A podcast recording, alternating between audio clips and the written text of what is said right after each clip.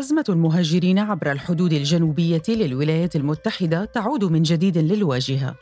ولكن هذه المرة بضجيج مختلف. هذا خلق نوع من من الضجة حتى أنه كان فيه آه، قافلة من عدة ولايات أمريكية أطلق عليها آه، قافلة الرب.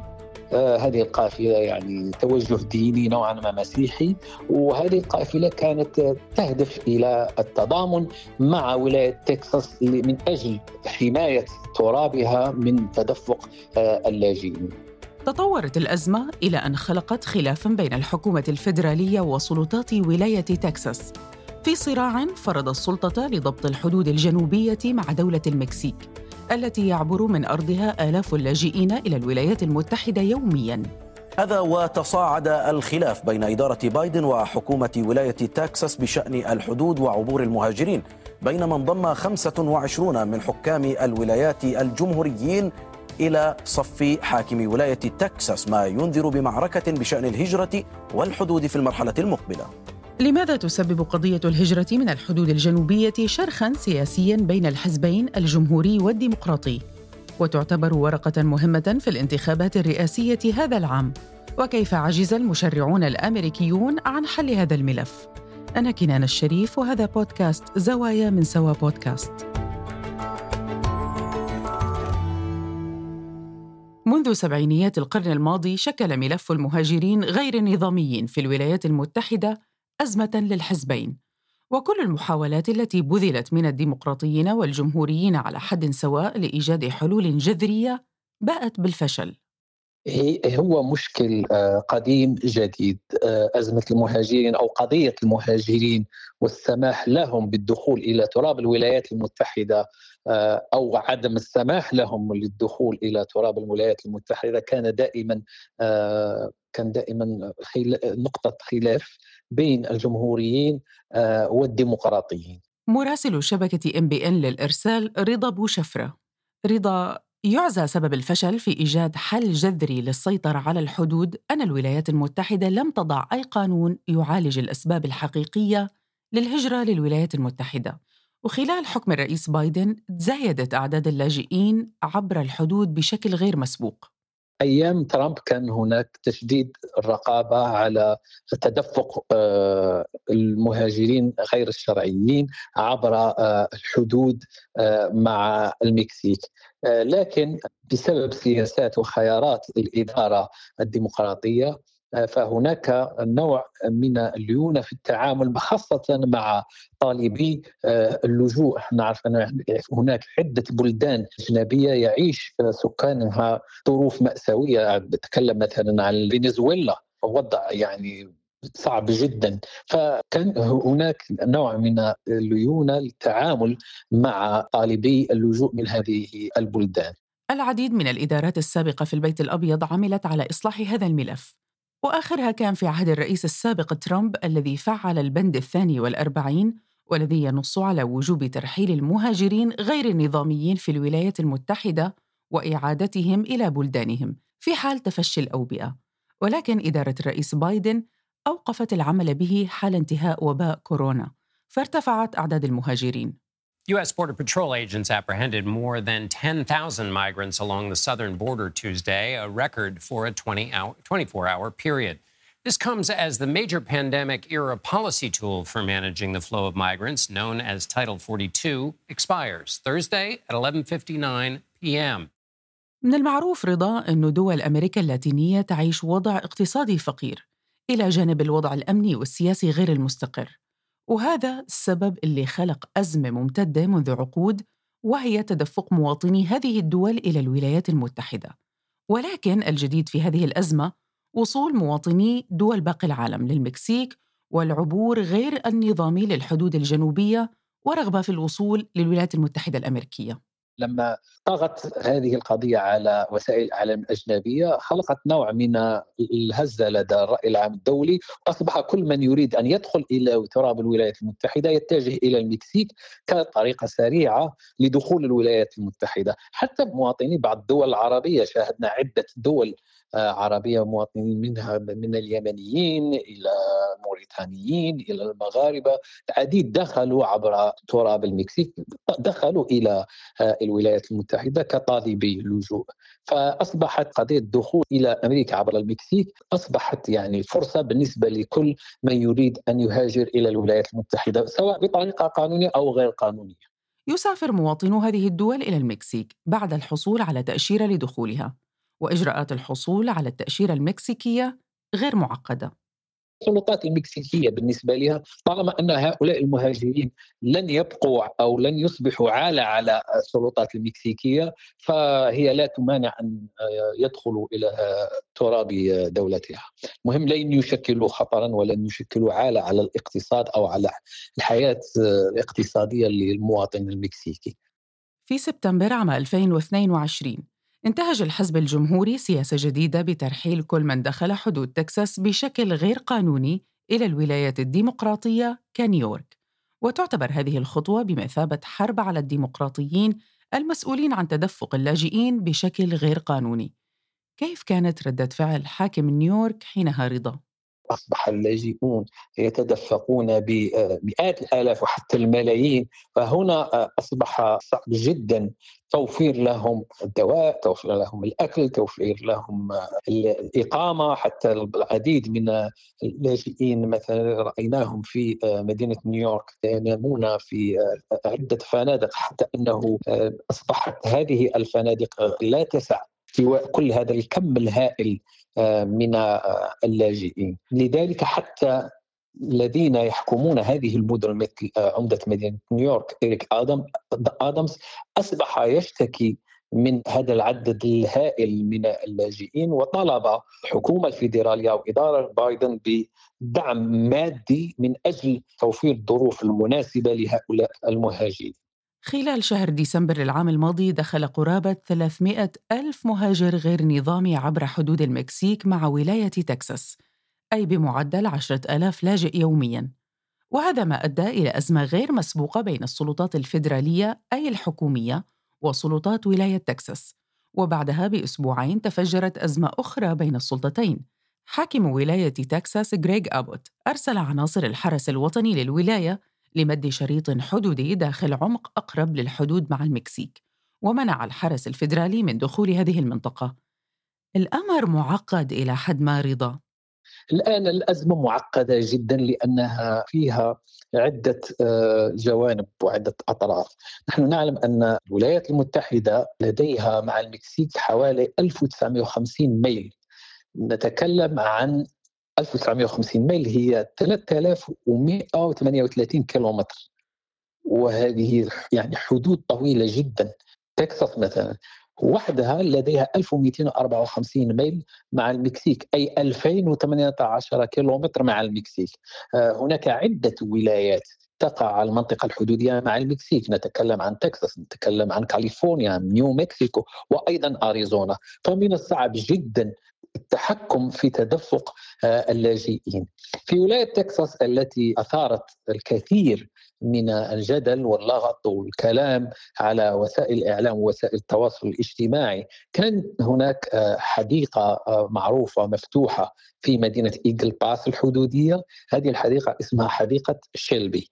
عبر هذه الحديقة كان فيه نهر ودائما كنا نشوف في هذه الحديقة نرى النهر أو الواد الذي يتدفق عبره المهاجرين من المكسيك. الآن آه، سلطات ولاية تكساس قامت بوضع أسلاك شائكة وقامت بنصب عدة حواجز حديدية حتى تمنع تدفق اللاجئين. هذا الخلاف بين سلطة الولاية والسلطة الفيدرالية ذهب للمحكمة العليا. هل نستطيع القول إن حاكم تكساس غريغ أبوت خالف اللوائح الدستورية رضا؟ طبعا الكل يعرف أن المحكمة العليا قضت أنه من حق السلطات الفيدرالية أن آه، تزيح أو تنزع الأسلاك الشائكة وهذه الحواجز المائية التي كانت تمنع تدفق اللاجئين. لكن سلطات ولاية تكساس تحدت قرار المحكمة العليا واعتبرت أنه قرار غير دستوري حسب حاكم تكساس جريك أبوت. وقال من حقنا أن نؤمن وندافع عن أنفسنا من تدفق الأجانب. هو اتهم أن هناك عدة عناصر خطيرة التي تنشط فيما يعرف بعصابات المتاجرة بالمخدرات المتاجرة بالأسلحة المتاجرة بالبشر. تكلم عن تكلم جريك أبوت عن جماعة ما يسمى بالكارتيل المكسيكي تكلم حتى على عناصر من الحرس الثوري الإيراني الذين تم القبض عليهم في ولاية تكساس ودخلوا تكساس عبر الحدود مع المكسيك. حتى أنه في عدة دول أجنبية ليس فقط دول من أمريكا اللاتينية دول أجنبية مثل الصين. الاتهام الذي وجه إلى حاكم الولاية هو التجاوز على السلطات الفيدرالية. ولكن هل من اتهامات متبادلة أي هل وجه غريغ آبوت أي اتهام لإدارة بايدن؟ الحاكم الجمهوري جريج آبوت يتهم بصراحة يتهم إدارة بايدن جو بايدن بالتقاعس عمدا عن مواجهة تدفق اللاجئين أو المهاجرين غير الشرعيين في الأشهر الأخيرة. بينما إدارة بايدن والسلطات الفيدرالية تتهم آبوت بأنه يتجاوز السلطات الممنوحة له بالدستور. يعني قضية حراسة الحدود تدفق اللاجئين أو من عدم تدفق اللاجئين آه، تعتبر السلطات الفيدرالية بأنها تدخل ضمن آه، صلاحيتها. طبعا هذا خلق نوع من من الضجة حتى أنه كان فيه قافلة من عدة ولايات اطلق عليها آه، قافلة الرب هذه القافلة يعني توجه ديني نوعا ما مسيحي وهذه القافلة كانت تهدف إلى التضامن مع ولاية تكساس من أجل حماية ترابها من تدفق آه، اللاجئين. ما يثير التساؤلات أن هل ما فعله حاكم تكساس دستوري وقانوني؟ اولا طبيعة الحكم في الولايات المتحدة آه، أن الولايات هي تقريبا لديها استقلالية في عدة آه، هي ليست مستقلة عن النظام الفيدرالي لكن لديها استقلالية مادية وحتى سياسية في عدة أشياء وعدة آه، ميادين. الحكومة الفيدرالية لديها مسؤولية في أن تقدم الدعم في حالات محددة ولكن ليس من واجبات الحكومة الفيدراليه مثل مثلا ما نشهده في الوطن العربي أنها توزع الميزانية على كل آه، الولايات. يعني الضرائب حتى الضرائب هناك ضرائب فيدرالية وهناك ضرائب الولايات. الولايات من مسؤوليتها أن تجمع الضرائب من المواطنين لتمويل نشاطاتها اليومية. يعني الدولة الفيدرالية لا تشرف على التمويل المادي للولايات بنسبة 100% فهذه النقطة مهمة. حتى آه، الجيش هناك عدة ولايات لديها الحرس الوطني التابع للولاية وليس تابع للسلطات الفيدرالية. حتى الجيش هناك ولايات لديها جيشها الخاص. يعني رأينا ذلك مثلا في التغطية التي قمنا بها في تكساس. هناك جيش تابع لولاية تكساس. طبعا بغض النظر عن الشرطه حتى الشرطه الشرطه عاده في المدن الامريكيه تابعه للمدينه ليس هناك مثلا آه، اداره آه، فيدراليه أو وطنيه للشرطه Governor Abbott asserted the state's right to self defense today along the southern border. He actually doubled down on what he's called an invasion, making it clear that National Guard troops will keep holding the line. في الرابع والعشرين من الشهر الماضي أعلن حاكم تكساس غريغ أبوت أنه بسبب فشل إدارة بايدن في حماية الحدود الجنوبية وعدم تنفيذ سلطتها بموجب ما يقتضيه الدستور فإنه يتوجب على سلطة الولاية الاستناد إلى البند الثالث في الفقرة العاشرة تحت المادة الأولى والذي يحفظ للولاية حق الدفاع عن نفسها حين تعرضها لحالة الغزو. ونقول هنا الغزو بين هلالين. واستدعاء السلطة الدستورية لولاية تكساس للدفاع عن نفسها وحمايتها.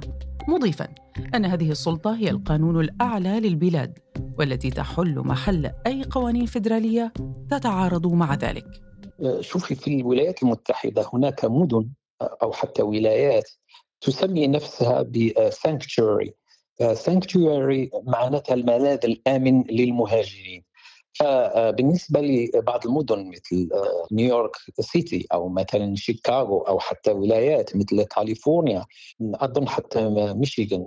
آه، تعتبر بأنها ترحب بالمهاجرين وباللاجئين وأنهم بحكم الدستور الأمريكي آه، فهم مرحب بهم. بينما معروف أنه ولايات أخرى مثل تكساس مثل فلوريدا مثلا هي تعاقب كل من ليس لديه أوراق هجرة شرعية يعني كل من يعيش بطريقة غير شرعية فهو معرض للعقاب حتى أنه السنة الماضية مثلا في آه، فلوريدا كان فيه قانون جديد آه، هذا القانون يقول بصراحة إذا أي مواطن أمريكي يكون مع شخص يقيم بطريقة غير شرعية فيعتبرون أن هذا المواطن الأمريكي يقوم بتهريب بالبشر. رضا حالة الجدل الدستورية بين السلطة الاتحادية وسلطة الولاية حتى اللحظة ما نتائجها على أمن الحدود والحد من تدفق المهاجرين غير الشرعيين؟ يعني ذكرتيني بتصريح عمدة مدينة إيجل باس وهو عمدة ديمقراطي وليس جمهوري صرح خلال مؤتمر صحفي الأسبوع الماضي بأنه بسبب تشديد الرقابة في حديقة شيلبي بارك التي تكلمنا عنها. فإن عدد المهاجرين الذين كانوا يتدفقوا عبر النهر أو عبر هذه الحديقة من المكسيك نقص كثيرا. يعني كان فيه يوميا بين 2000 آه، إلى 3000 مهاجر غير شرعي يدخلون تراب الولايات المتحدة بسبب تشديد الرقابة. أصبح الآن فقط 200 إلى 300 آه، شخص يدخلون تراب الأمريكي. طبعا نتكلم على منطقة إيجل باس فقط.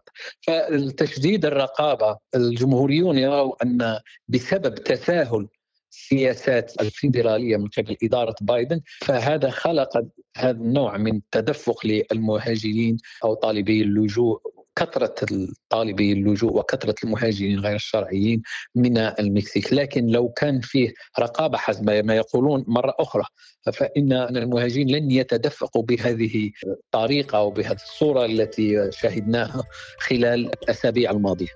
يعتبر ملف الهجرة غير النظامية من أهم الملفات وأعقدها في السياسة الأمريكية ويعتبر الورقة الأكثر استقطاباً في الانتخابات الرئاسية لهذا العام.